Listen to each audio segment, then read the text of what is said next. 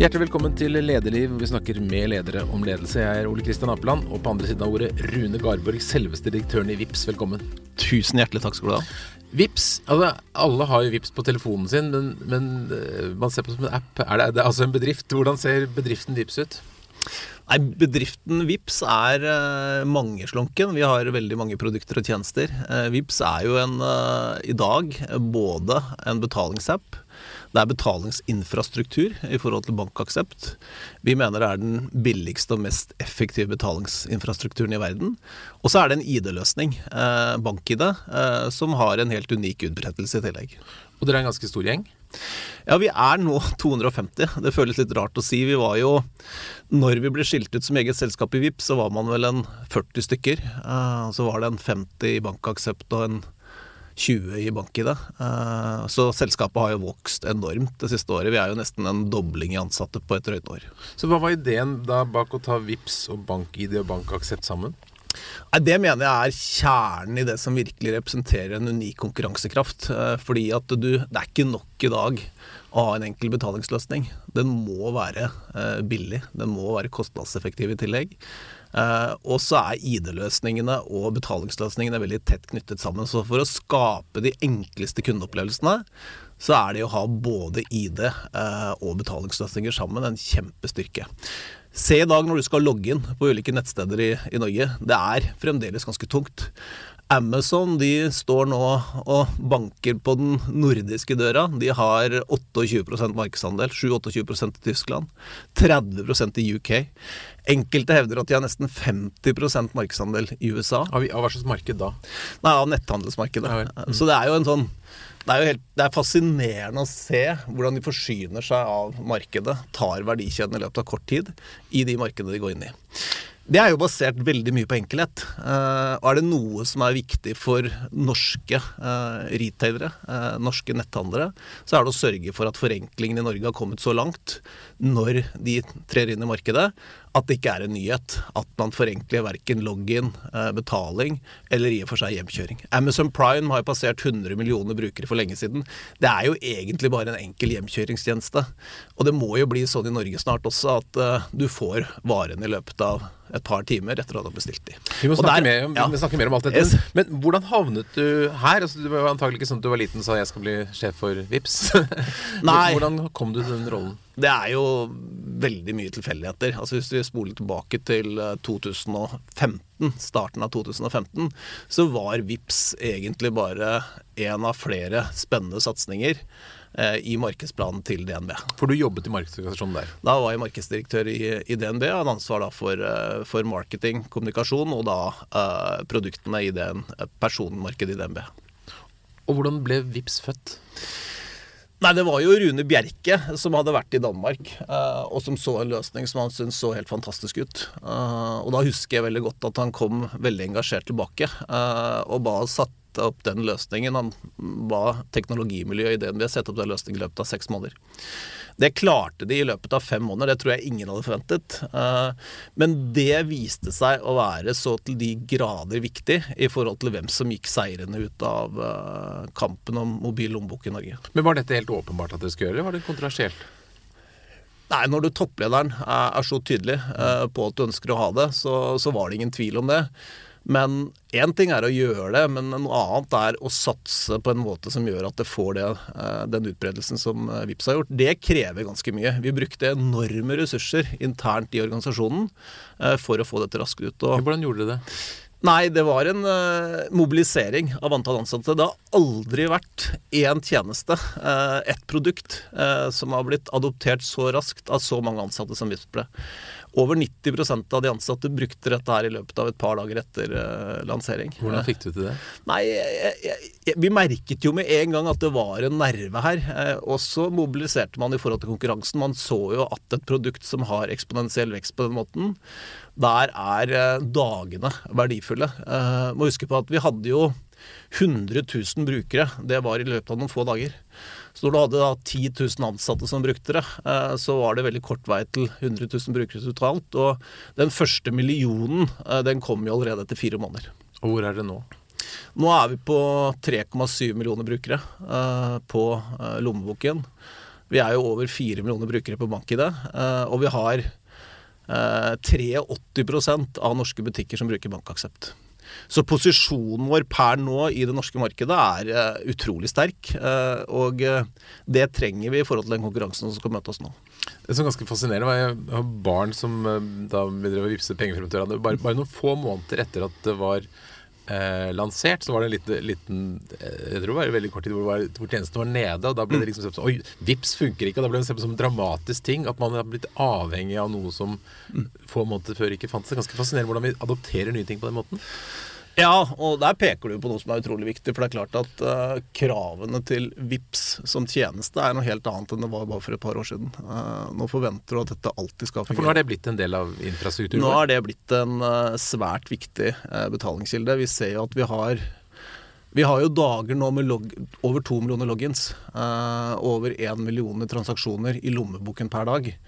Uh, og det er klart at da er det en, uh, en svært viktig del av, uh, av et, et, forenklet dagligliv for folk flest. Da. Dere har fått mye skryt for VIP, navnet Vips. Hvordan kom det til? Det var ganske tilfeldig. Det var faktisk to ansatte internt som kom opp med det forslaget. Vi hadde først en en konkurranse på byråsiden, eller byrået var inne og kom med forslag. Eh, og så følte man ikke at man landet helt, og så landet man da på VIPS. Jeg skulle ønske jeg skulle kunne sagt at det var gode, eh, fundamenterte analyser som lå til grunn for et veldig godt navn og et verb. Men, men, det var litt tilfeldigheter som gjorde at det, det havnet på VIPS. Men jeg er veldig glad for at det ble sånn i etterkant. For nå vet jo alle hva det betyr å vippse. Det er stor forskjell på å vippse og det å måtte uttale f.eks. MobilePay i, i Danmark. Der. Så De har også gjort det fantastisk bra i sitt marked, men, men navnet Vips har vært en ubetinget suksess. Men Var det slik at det var ungdommen som tok det først? Det var de yngre som tok det først. Det jeg synes var kanskje det mest interessante sånn i forhold til innsikt, da, det var jo at når vi spurte eh, i 2015 eh, de på eh, 40 pluss eh, hva de syntes om en tjeneste som Vipps, så var ni av ti veldig klare på at dette var det overhodet ikke behov for. De yngre eh, de var heldigvis da av en annen oppfatning, men det var ganske alarmerende når vi fikk disse innsiktsanalysene. Hadde vi fulgt de analysene slavisk, så hadde vi aldri lansert produktet. Så det er læringen der på man skal ikke stole helt på undersøkelser? Nei, du, du skal naturligvis basere deg mye på innsikt, men du må kjenne på gut-feelingen. Og så må du se også hva som fungerer andre steder, og så må du, må du gjøre noen, noen tydelige valg. Det som var spennende her, det var jo at alle de tre lommebøkene som var ute på det tidspunktet, eh, relativt eh, De ble lansert relativt likt. Alle de kunne ha vunnet. Mm. For det som er spesielt med en sånn eksponentiell eh, tjeneste som dette her, det er at den, den trenger ikke så enorme ressurser eh, for å vokse raskt. Jeg tror man rakk å bruke en 13 eh, millioner kroner i marketing før man hadde 1 million brukere. Og for all del, altså 13 millioner er mye penger, men hvis du ser det opp mot markedsføring av andre produkter og tjenester, så er jo payback her helt enorm i forhold til hva du kan forvente på andre områder. For jeg husker det var en sånn kniving mellom flere tjenester i begynnelsen. Hvor lang tid tok det før Vips vant? I realiteten så vil jeg hevde at slaget var over på en måned.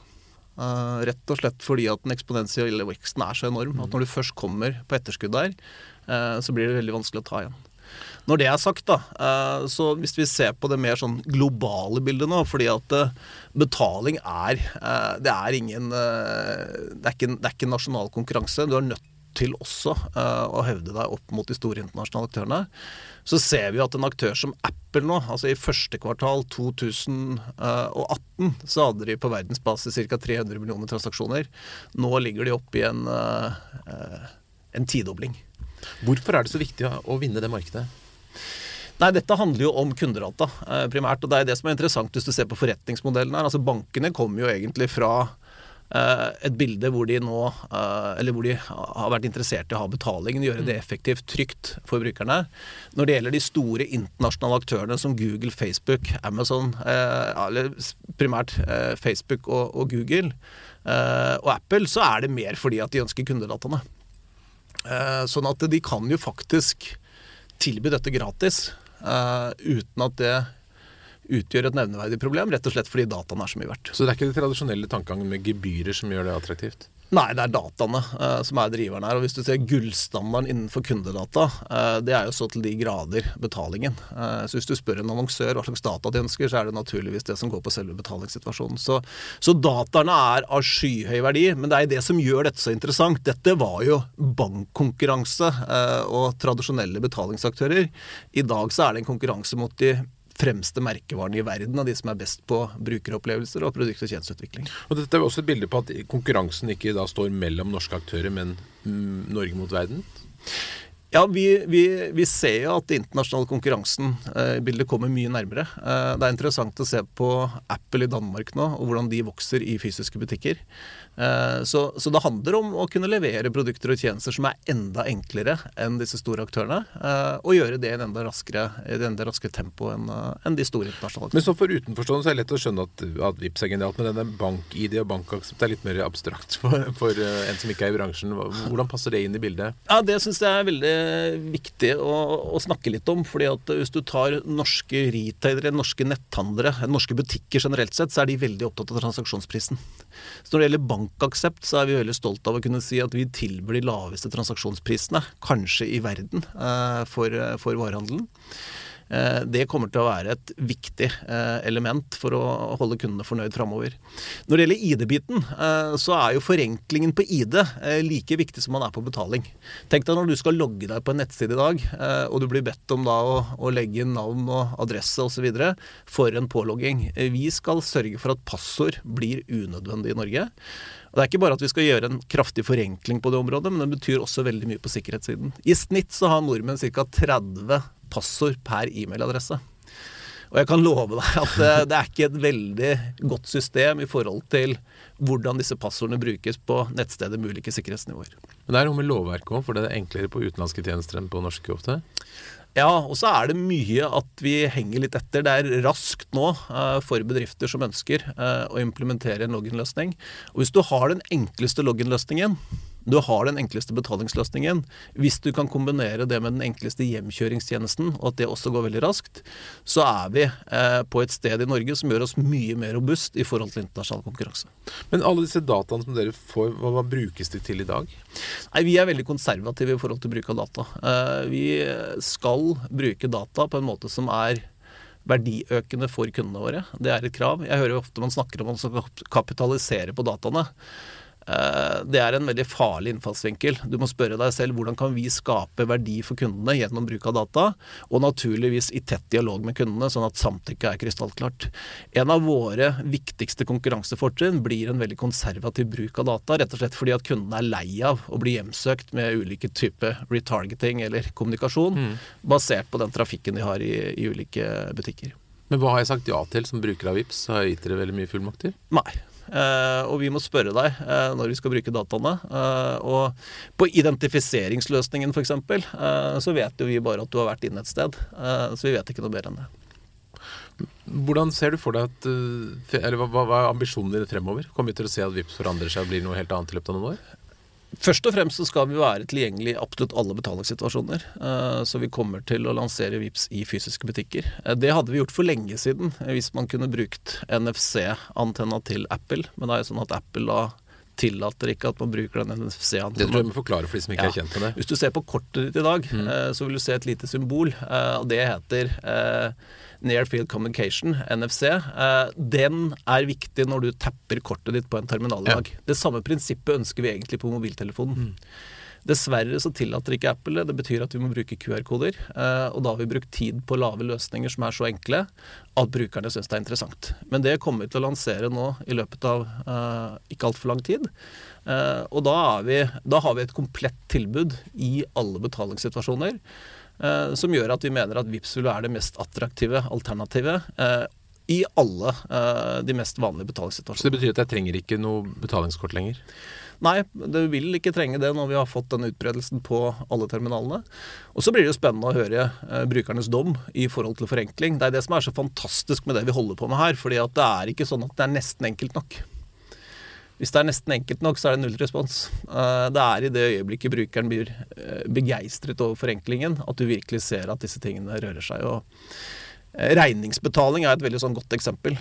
Vi har jo fjernet behovet for bruk av KID-nummer i Norge. Og Det tror jeg mange syns er veldig ok. Og det, responsen er jo deretter. Det er, veldig få som savner KID-nummer. Det er ingen som savner KID-nummer. Det er ingen som kommer til å savne passord i Norge. Det er ingen som savner kontonummer og bruk av disse tingene heller. Så, men det er fremdeles mye å ta av i forhold til forenkling. Jeg har fått sånn dorull med bankgiroer på fra dere. Det har de fått.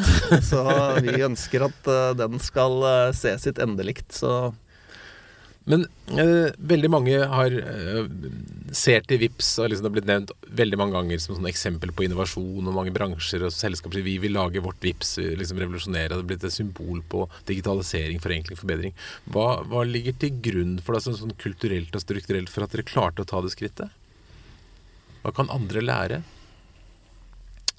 Jeg, jeg, jeg, tror det viktigste sånn i en vips kontekst uh, er egentlig å det, er to ting jeg mener er veldig viktig. Det ene er at man er villig fra, eh, fra bankenes side her til å disruptere seg selv.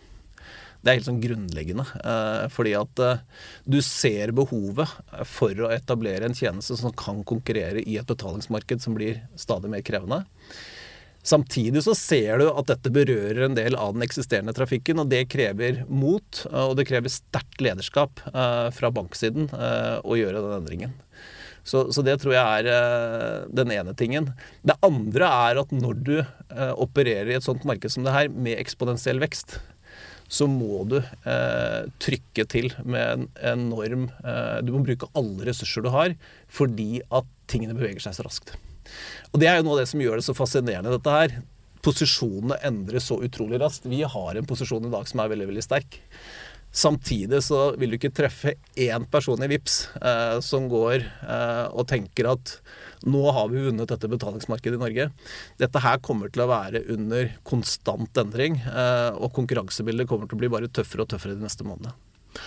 Klarer vi å gjøre dette med, med norske IT-ressurser, eller har du shoppa rundt hele verden for å få det til?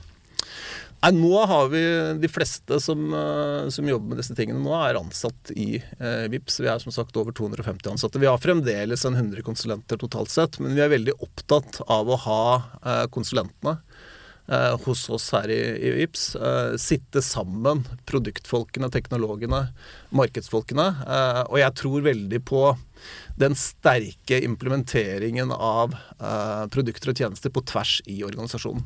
Det er viktig at de på marketing sitter sammen med teknologene av og til. Uh, og her tror jeg noe av nøkkelen ligger, da, for det er, en, det er ganske mange som kan være veldig gode på teknologiutvikling produktteknologiutvikling.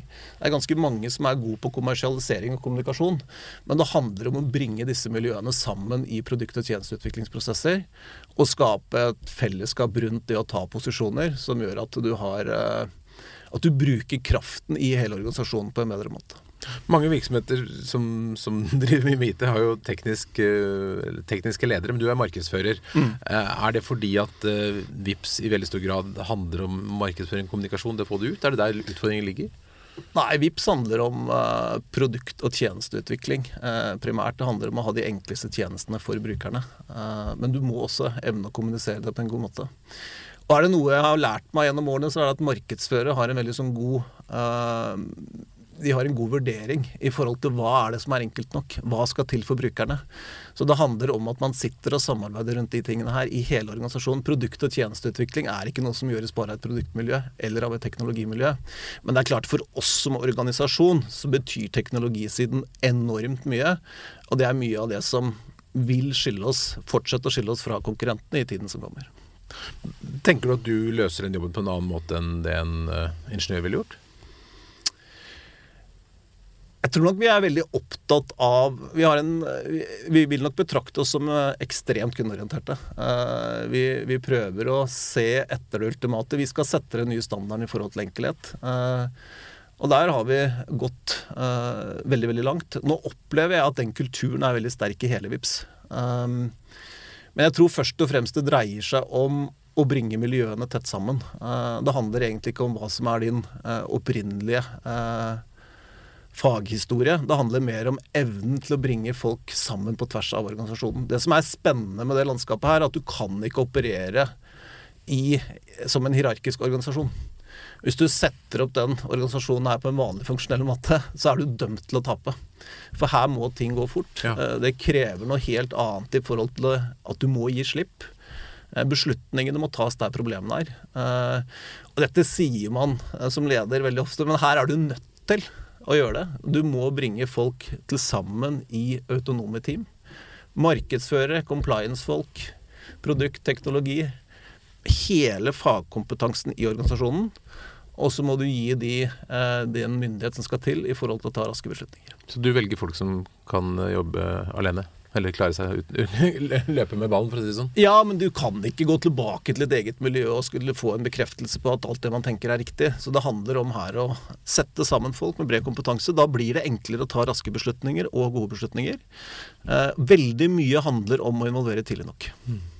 Men eh, når dere skal gjøre det veldig enkelt for brukerne, hvordan jobber det? Altså, Du sa du hadde bommet litt på markedsundersøkelsen. Kanskje ikke. Er dere veldig mye ute og tester? Ja, altså veldig mye er å bare være veldig tydelig på det. da. Det er, det er innsiktsbasert, og, og, og du er nødt til å gjøre tester og høre med brukerne hva de er opptatt av. Eh, Hvordan gjør dere det? Nei, det, kan, det er at vi, vi sitter stort sett sammen med, med brukere når vi tar ut nye produkter og tjenester. Men det er klart når du har 3,7 millioner brukere, eh, så kan du teste dette på ganske små kundegrupper hele tiden. Eh, Så du får mye innsikt før du tar en produkt eller en tjeneste ut i et marked. Så Er det sånn at dere, øhm, forandrer tjenesten for en, en del av brukerne, f.eks.? ja. Du kan eh, gå inn og lage et produkt nå, og så bare åpne opp det for la oss si 1000 brukere, og teste ut det for en gruppe. Så du har rik anledning til å teste ut produkter og tjenester. Det som er viktig i et miljø som vårt, det er at du virkelig tester ut veldig mye. For det er jo fryktelig eh, det, er jo, det er veldig ofte eh, at ting ikke går som det du har tenkt. Eh, så, så det å basere seg på mye testing, være nysgjerrig på å prøve ut forskjellige ting, ikke sitte og diskutere hvem som har rett, det er ikke så veldig fruktbart. Eh, ta det ut i markedet og se hva som fungerer. Har du noen historier om ting som ikke har gått helt som det var tenkt? Ja, det kan jeg love deg. At vi har eh, veldig mye som eh, Det meste av det vi gjør, eh, det blir jo ikke en suksess. Det er ingen tvil om det. Sånn at vi gjør mange forskjellige ting. Vi har jo tatt ut ting i markedet også som i etterkant har vist seg å ikke være riktig. En av de områdene som har vært trøblet over lang tid, har vært fakturabiten. I dag ser det kjempefint ut. Men vi startet jo med et eget økosystem på faktura. Vi gjorde jo betaling veldig enkelt i VIPS. Men så koblet vi ikke det opp mot nettbanken. Eh, Sånn at når du betalte en regning i VIPS, så så du ikke at det var gjort i nettbanken. Og det å begynne å tulle med betalingsvanene til folk, det gjør det ikke. Da kan betalingen være så enkel han vil. Det fungerte overhodet ikke. Så, men vi gjør eh, vi, vi kommer opp med produkter og tjenester hele veien som vi ser at eh, ikke fungerer. Og den, den litt sånn klare lærdommen er at hvis brukeren ikke er begeistret og ikke syns det er enkelt nok, glem å bruke ressurser på det. Det kommer aldri til å fly. Så det er ikke noe don't, don't fight the market, du må bare lytte til brukerne. Nei, og det der er egentlig litt det samme som på kommunikasjonssiden. Eh, jeg må jo si Markedsførere veldig ofte har jo så lyst, når de har jobbet med en kampanje lenge, et produkt lenge, eh, at det skal fungere. Eh, Så man svarer av og til bare med å øke markedstrykket. Bringe inn flere elementer som kan få det til å fungere. Når det ikke fungerer med en gang, så fungerer det aldri siden. Jeg er i hvert fall uh, til gode å se den biten der, og jeg har diskutert det her mye med markedsførere. Ta det vekk med en gang. Vær tøff nok til å si, vet du hva, dette har vi lagt mye ressurser i. Dette har vi prøvd knallhardt på å få til, men det gikk ikke. Ta det bort, det er det aller billigste. Det er en vanskelig beslutning. Det er en vanskelig beslutning, men det der skiller Clinton fra Veten. Fordi at uh, du må fort riste av deg skuffelsen. Du må fort erkjenne hva som ikke går, og så må du gå på neste. Og det er noe av det tøffeste i en sånn organisasjon, for det å bli vant til at denne gikk ikke, eh, jeg må eh, med en gang bevege meg over til neste, det er, det er krevende. Da du tok denne eh, lederjobben, hadde du noen tanker om hvordan du ville være som leder? Satte du deg ned og sa sånn skal jeg være som VIPS-leder? Ja, det har jeg hatt. Men jeg tror ikke det Jeg tror ikke jeg har endret det perspektivet så mye etter at jeg begynte med, med VIPS. Jeg tror veldig mange av de samme prinsippene gjelder her som tidligere. Eh, Det er bare så utrolig mye morsommere, eh, fordi at det er så mange variable her. Eh, Og det er herlig å sitte så tett på et teknologimiljø, et produktmiljø, marketingmiljø. Jeg ser compliance-folkene hos oss, hvor viktig de er for hastigheten til selskapet. Det å virkelig se compliance som en ressurs da, for å skape den beste kvalitet, men ikke minst hastighet. Det er utrolig spennende. Det er ikke sikkert alle vet hva compliance er. Du må forklare det, tror jeg. Nei, dette handler jo om uh, GDPR og hvordan vi forholder oss til uh, alle regler. Uh, PSD2-regelverk mm. osv. Så, uh, så det handler egentlig om hvordan vi setter opp virksomheten for å gjøre det tryggest mulig for brukerne. og levere på de kravene som, som gjelder fra myndighetene. Så når du tok den rollen, hvordan ønsket du å være for alle disse medarbeiderne? Nei, Jeg ønsker jo å være en leder som, eh, som er inspirerende, og som gir folk uh, mye handlingsrom. Uh, det viktigste for meg i den jobben jeg har nå, det er å sørge for at folk tar handlingsrommet. Uh, vi trenger å ta raske beslutninger. Det sitter enormt mye vilje og kreativitet i organisasjonen. og det er viktig for meg å signalisere at vi skal prøve på det vi nesten i utgangspunktet ser som umulig. For det må du hvis du skal henge med i det konkurransebildet her framover. Eh, så det å gi næring til initiativ eh, som eh, virkelig setter en ny standard som er disrupterende i forhold til eksisterende, det er en av mine viktigste oppgaver. Det krever at du har en ganske sånn klart målbilde, så alle vet hvor de skal? Det aller viktigste er at du vet hvor du skal hen på, på, overordnet nivå. hva er det vi skal um, fikse uh, av uh, vanskelige brukeropplevelser.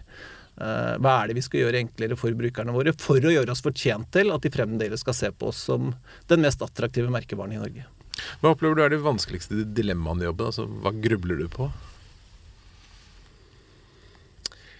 Nei, Jeg syns jo det er utrolig spennende med den konkurransesituasjonen vi ser internasjonalt. Um, og det hovedspørsmålet for meg det er hvor raskt vi må utvikle nye produkter og tjenester framover uh, for å være like robuste som vi er i den konkurransen uh, som vi er nå. Uh, det er egentlig så, så, det handler om hvor raskt vi kan få levert produkter og tjenester ut i markedet. Når jeg sitter og snakker med produkt- og teknologifolket nå, så blir jeg utrolig begeistret når jeg hører alle ideene som ligger på tegnebrettet.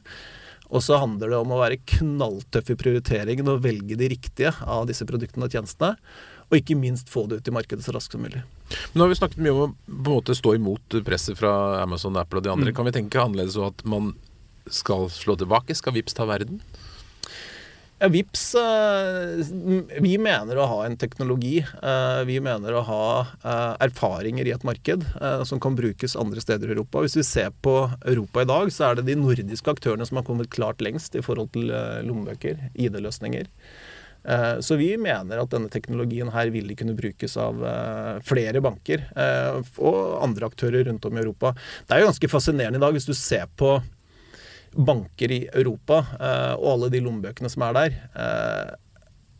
Jeg ser det som lite sannsynlig at det vil bli en bærekraftig modell når vi ser konkurransen opp mot de store internasjonale aktørene. Det koster så mye på både penger og av eh, personalmessige ressurser eh, å gjøre ting enkelt.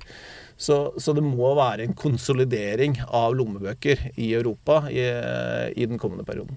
Merker de interesse fra andre land for å bruke deres løsninger? Det gjør vi. Så vi, vi, snakker jo med andre markeder. Og vi er veldig tydelige på det, at vi ønsker å komme i posisjon uh, hvor vi kan teste ut vår teknologi i andre markeder. Nei, Det er ofte litt sånn alle vil ha, ha sin egen greie, vil ikke det? Jo, og det tror jeg er en av, jeg er en av, av utfordringene. Fordi at uh, man har lyst til å lage sin egen bit. Og spesielt for banksiden, da. Hvis bankene fortsetter å konkurrere seg imellom på de områdene her, mm. og er mer fokusert på den konkurransen enn den store globale konkurransen, eh, så tror jeg de kommer til å tape. Hva er du mest stolt av å ha fått til så langt? Jeg syns det er herlig å gå inn i Vipps-bygget med 250 ansatte. Eh, se at det syder i lokalene, eh, og det engasjementet som ligger i forhold til å ta Vips eh, videre. Vi gleder oss mye mer over det som skal komme, enn det som har vært. og det tror jeg er en av de viktigste faktorene i en sånn type organisasjon. Det er en sånn stor forventning i forhold til de tingene vi skal lansere i markedet framover. Og så syns vi jo det blir veldig spennende å se på hvordan vi kan tilby nye produkter og tjenester eh, utover det som, eh, som er eh, presentert på betalingssiden. Mm. Du synes det er gøy å komme inn på kontoret. Du er jo da i kanskje en av de kuleste bedriftene i Norge. Mm. I et av de kuleste miljøene i Bjørvika. Hvordan ser det ut inne hos dere? Hvordan, er, hvordan har dere organisert det på kontoret? Nei, vi sitter eh, Vi er ikke Vi, vi, vi kom Altså, vi er eh, Vi sitter litt hulter til bulter, mm. om jeg kan si det sånn. Eh, det er ikke sånn at det miljøet sitter der, og det miljøet sitter der. Vi jobber jo veldig mye på tvers eh, av eh, fagområder. Så, men vi sitter på to ulike steder i det bygget. Det er det eneste jeg har som et sånt ankepunkt. Men det er rett og slett av plasshensyn. Men eh, du får komme bort en dag og se. Jeg For det er rett bak operaen omtrent? Det er rett bak operaen. Uh, og det er, en herlig, det, er en herlig, det er et herlig miljø. Uh, og det er klart at det at man kjenner at man er med på å skape en såpass stor endring og får så gode tilbakemeldinger på de endringene man gjør, det, det skaper jo en veldig drive i organisasjonen. Men alle snakker som sagt om VIPS og dette, og vi må bli vår VIPS. Men de fleste klarer jo ikke å forandre så veldig mye på sine bedrifter og sine bransjer. Hva er det som du tror er barrierene for liksom å få til sånne store ting som dere har klart?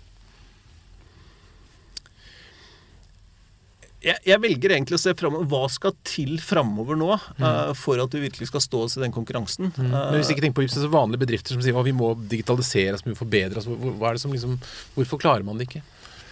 Nei, for, for, meg handler det av og til at man opplever at man må gjøre noe.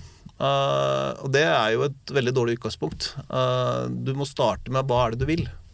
Uh, og det, det jeg alltid er mest spent på, både internt og i andre settinger hvor jeg snakker med andre bedriftsledere og andre bedrifter, hva er det du vil? Hvis du nå skulle ha fått til det helt sånn optimale i forhold til dere, dine kunder, hvordan hadde det sett ut? Mm. Hvilke forenklinger hadde det innebåret for kundene? Når du snakker med ledere i dag, så handler det veldig mye om forenkling. Nesten uansett hva du driver med. Det er klart Nå driver vi med betaling, og det blir sånn åpenbart at forenkling da er en, en viktig differensiator, eller den viktigste differensiatoren. Men for virksomheter generelt sett så handler det om eh, å finne bedre løsninger for kundene sine. Og så spørs det hvor radikal man ønsker å være. Uh, og Der tror jeg den største forskjellen ligger. da, altså Hvor høyt legger du lista i forhold til hva du er villig uh, til å endre, og hvordan kommuniserer det til medarbeiderne dine? Alle vi kjenner jo Vips da som, som privatpersoner som brukere på, på, telefonen. Men som næringslivsledere eller virksomhetsledere som gjerne hører på Lederliv, hvordan vil Vips og dere kunne forenkle hverdagen vår i bedriftene fremover? Nei, hvis, nå har vi jo uh, satset på disse betalingsstrømmene som går på netthandel, mm. uh, som går på betalinger i, i, i butikk og regninger osv. Men vi kommer til å legge opp til løsninger også uh, for bedriftene. Men det ligger ikke i roadmapen sånn umiddelbart. Men, men, det er et område hvor vi også ser et veldig stort behov for, for å forenkle. Og Tenker du da at Vipps etter hvert blir et mye større selskap enn i dag? Ja, det ønsker vi at det skal bli. Og Vips er avhengig av å, å, vokse veldig raskt. Nå har vi en vekst på netthandel på ja, nå så jeg siste tallene i går. 12 måneders 112 uh, Vi har en vekst på fakturabiten faktisk på over 300 uh, siste året. Så det er en enorm vekst. Uh, og vi kommer til å fortsette å vokse på de områdene vi nå er. Men vi kommer til å finne andre områder også hvor vi vil satse på en, det som ligner en eksponentiell vekst. Mm, vi snakket om data og alle muligheter som ligger i data. Altså, nå det, du sa dere er veldig konservative eller forsiktige med hvordan man bruker data. Men kan du se for deg hvordan man kan bruke data enda mer utstrakt og kreativt i framtiden? Hvilke, hvilke, fordeler vil det kunne gi for brukerne? Ja, det ser vi på uh, mange uh, ulike områder. Men der er vi veldig sånn, der er vi lyder. Apropos dette med innsikt. Da, vi må snakke med kundene i forhold til hva er det de anser for å kunne berike og verdiøke deres hverdag. Uh, og hva er det som ikke oppleves som støtende, mm. pågående. og der har vi mange ulike ideer på, på tegnebrett. Men for de kundene som sa bare 'kjør på, ta bruk alle dataene', hva, hva kunne du gitt tilbake da? Nei, jeg, jeg, tror ikke kundene ønsker det. Jeg tror kundene ønsker å ha kontroll på dataene stort sett. Og du må i hvert fall være veldig tydelig på hva er det du skal tilby dem. Og du, du må få klare tilbakemeldinger på det. Og kunder er stort sett veldig flinke til å si hva de vil ha, og hva de ikke vil ha. Hvis, øh, når du rekrutterer da, inn til den virksomheten, hva, hva slags egenskaper er det du ser etter? Først og fremst må du være veldig komfortabel med at ting endrer seg. Uh, det er det vanskeligste i en sånn virksomhet. Det er utrolig vanskelig når du har holdt på med å jobbe med uh, et oppdrag. Da. Vi definerer disse tingene som oppdrag. Oppdraget er sjefen, oppdraget står i sentrum. Og så opplever man at uh, rammebetingelsene endrer seg. konkurrentene gjør andre ting, og så finner du ut at det der skal vi ikke gjøre allikevel. Det er det er krevende å bli vant til, men jeg opplever at det Er noen som blir sinte? Folk blir veldig skuffet eh, i en sånn setting, og det er helt naturlig. Eh, du brenner jo sånn for det du gjør, og når det plutselig da blir tatt bort, eh, så, så, oppleves jo det å være litt tøft. Men jeg syns folk er utrolig sporty på det i VIPS. Men vi leter jo også etter profiler som syns at det er en naturlig del av hvordan vi driver produkt- og tjenesteutvikling. Så, men det andre er samarbeid. For alt det her dreier seg om samarbeid. Eh, det sitter ikke én person i VIPS eh, og pønsker ut noe som er så genialt at det kommer til å sette en ny standard i markedet. Det er det der tverrfaglige samarbeidet som skaper en helt unik dynamikk. Og forskjellen på å sitte i ett fagmiljø kontra å sitte på tvers den er bemerkelsesverdig. Og der, det, der ligger nøkkelen for VIPS i forhold til både å lykkes med kreative løsninger, finne neste generasjons løsninger, og i forhold til å få ting raskt ut i markedet. For dette skiller seg ganske mye fra hvordan man tradisjonelt har jobbet i bank? Altså Forholdet ja, mellom produksjon og marked og andre? Ja, det er klart. Der har man en mye mer funksjonell eh, inndeling på det. Men jeg ser også at bankene i større og større grad baserer seg på mye av den samme arbeidsmetodikken. Og det er fordi at det går ikke an å få det raskt nok ut dersom du har en ren funksjonell tilnærming. Eh, og jeg tror også man ser at idétilfanget, eh, spensten i ideene, blir ikke god nok med mindre du kjører dette mye mer eh, tverrfaglig. Hvis det kommer en ung person til deg Rune, og sier jeg vil, jeg vil, bli leder, jeg vil også bli leder for et sånt selskap som VIPS. Mm. Eh, hva er de tre viktigste egenskapene man skal ha da, for å være en god leder? Hvilke tre råd vil du gi? Du må ha et uh, avslappa forhold til å feile. Uh, for her er det mye som ikke går sånn som du har tenkt. Uh, så det der å ha mot, da, og tørre uh, å virkelig sette lista høyt, det, tror jeg er, det tror jeg nesten er en sånn grunnforutsetning. Så må du ha en enorm evne til å involvere folk. Du må være interessert i oppfatningene til de rundt deg. Du må sørge for at du bringer folk sammen, at de får kommunisert på en, på en god måte. Og så vil jeg si det siste er drive og gjennomføring, fordi at du må få det raskt ut. Uh, og her er det det er lite rom for prat uh, etter at man har bestemt seg for retning. Da handler alt om å få disse tingene så raskt ut i markedet som mulig.